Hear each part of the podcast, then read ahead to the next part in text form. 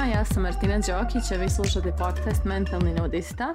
Nalazimo se u epizodi 49 i tema ove epizode su naše potrebe, odnosno koliko smo ih svjesni, koliko ih čujemo i na kraju koliko se njima bavimo, da li ih uopšte stavljamo na listu prioriteta.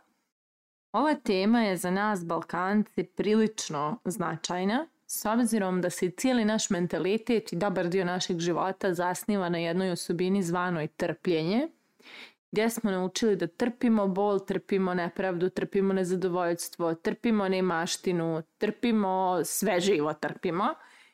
I o tome najviše govori politička i ekonomska situacija, to koliko smo mi u stanju da trpimo i koliko nekako nemamo neke standarde ozbiljne u tome šta očekujemo i od svojih vlada i od svoje ekonomije.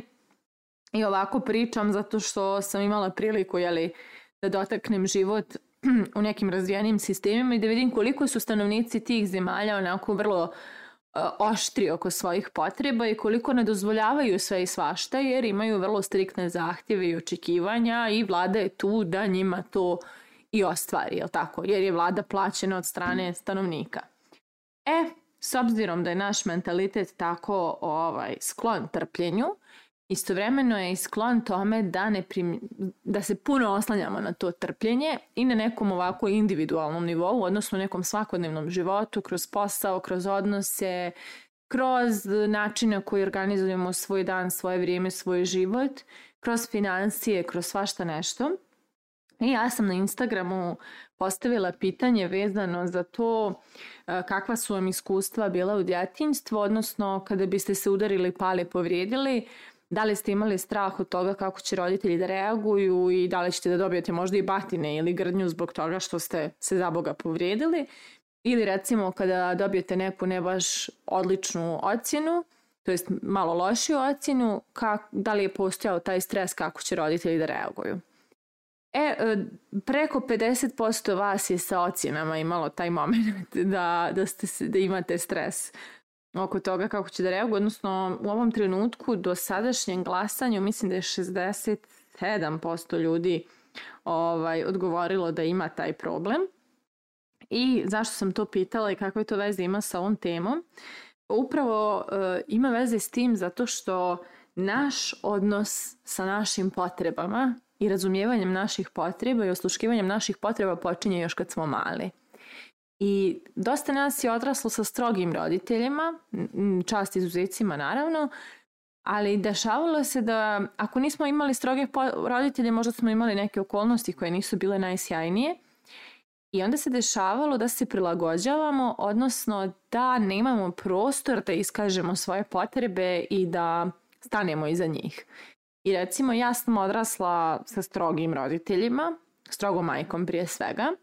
I ja sam imala taj moment da su ocjene stres zbog toga kako će moja mama da reaguje, da to kad ja napravim neki nestašluk u kojem se ja povrijedim, veća je problematika kako će ona da reaguje. Stoga sam ja mnogo veći fokus stavljala na nju i njene reakcije nego na to da li sam ja tužna, povrijeđena, da li mene nešto boli, da li sam ja isfrustrirana možda što nisam dobila ocjenu koju želim i tako dalje. I kako je jeli, mnogo fokusa bilo na reakciji moje majke, tako je malo ili nimalo fokusa bilo na meni i na tome šta meni treba u tom trenutku. Da li meni treba zagrljaj, utjeha, ohrebrenje, e, nešto što će da, me, da mi olakša tu situaciju kroz koju prolazim, jer prosto ovaj, kao djete jeli, imala sam te neke potrebe, ali nisam mogla da ih čujem. Nisam mogla da ih čujem jer nije bilo prostora za njih zbog ovog drugog prioriteta zvanog reakcija mog strogog roditelja. I kada se čovjek tako nabaždari kao mlađi, onda uglavnom provede dobar dio života e, vodeći se time šta prvo drugi žele, pa tek onda šta on sam želi, ako uopšte to ikad dođe na red. Ja lično sam neko ko možda poslednjih par mjeseci počinjem da čujem svoje potrebe. E, na nekim poljima sam ih stvarno dobro čula i ostvarila i da kažem stala iza njih, ali postoji još mnogo prostora u mom životu da svoje potrebe ispoštujem i kao neko ko je nabaždaren tako da prvo vidi šta, kako će drugi da reaguju i šta će drugi da urade, odnosno, da kažem, imam dosta taj people pleasing moment u sebi, na kojem sad radim. Ovaj, um, jako mi je teško da prepoznam šta meni treba. I recimo, dešavalo se da se smrznem i prehladim, a da nisam ni shvatila koliko mi je bilo hladno jer sam naučila da trpim. Dešavalo mi se da pregorim od količine posla, a da nisam ni primijetila da mi je potreban odmor. Um, dešavalo mi se da za neke svoje velike ciljeve ugrozim svoje egzistencijalno pitanje, ugrozim mnoge svoje potrebe, a da ni ne primijetim da to nije ni malo ekološki prema meni, odnosno da je to vrlo toksično za mene samu i prosto vođena time da mogu puno da istrpim i da mogu da se prilagodim i da ne čujem svoje potrebe, ja sam mnogo ciljeva u životu ostvarila na tim strategijama. Znači, mnogo mojih planova za moje ciljeve, mnogo mojih odnosa, mnogo nekih poteza koje sam vukla su se oslanjali na to koliko sam u stanju da istrpim i na to koliko sam u stanju da se žrtvujem a mnogo sam u stanju da istrpim i da se žrtvujem. I onda e, sam u nekom trenutku počela da shvatam da ja nisam prema sebi dobra i da moram da počnem da čujem svoje potrebe i da one budu prioritet. Znači da to šta je meni potrebno i šta meni donosi dobro stanje i do, dobar osjećaj, da to postane moj prioritet u životu. I idem danas recimo učim kako nekim poljima nemam taj osjećaj za sebe samu. Naprimer, uh, pričala sam u nekim epizodama i o, o, o tome da li znamo šta osjećamo. Ticalo se konkretno osjećanja i tog prostora da, da, da dobijemo prostor da budemo tužni, da budemo nesrećni, da budemo kako god razočarani. E, tu sam mnogo napredovala, znači naučila sam da stanem iza svojih emocija, da nekako zahtijevam prostor da budem ako sam tužna, tužna, ako sam nezadovoljna, nezadovoljna, ako sam frustrirana, frustrirana, ali da prosto napravi, da, da se ispoštuje to moje trenutno stanje i da onda, jeli, iz njega idemo dalje. Da proživim to što mi je došlo. Isto tako, um, dosta sam nekih svojih drugih emotivnih potreba uspjela da zadovoljim, na primjer, u polju odnosa sa ljudima, prijatelja, mojih nekih ličnih vrijednosti, ali ostalo je još mnogo toga što ja tek otkrivam, da je nezadovoljeno, a ja to ni ne čujem.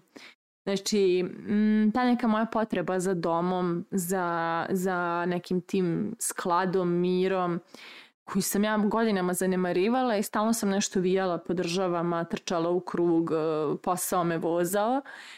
Pa onda isto tako e, u polju poslovanja često sam znala da žrtvujem svoje potrebe za potrebe firme I iako smatram da to jeste jedan od načina da se u nekom trenutku stigne na neko, neko vrhunsko mjesto, mislim da sam nekad pretjerivala u tome. Tako da um, sve, sve mi je jasnije i sve sam svjesnija toga koliko su moje potrebe uh, glasne u meni, odnosno sve ih više čujem.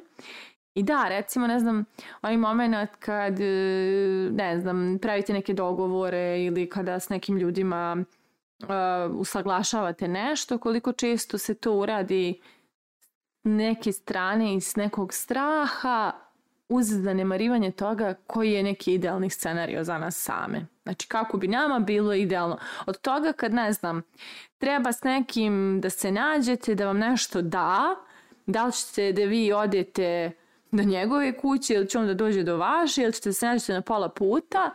E, od te sitnice kako ćete, šta vama najviše prija, do nekog momenta e, nekih ozbiljnijih životnih stvari, saradnji, dogovora, pregovora, odnosa i slično.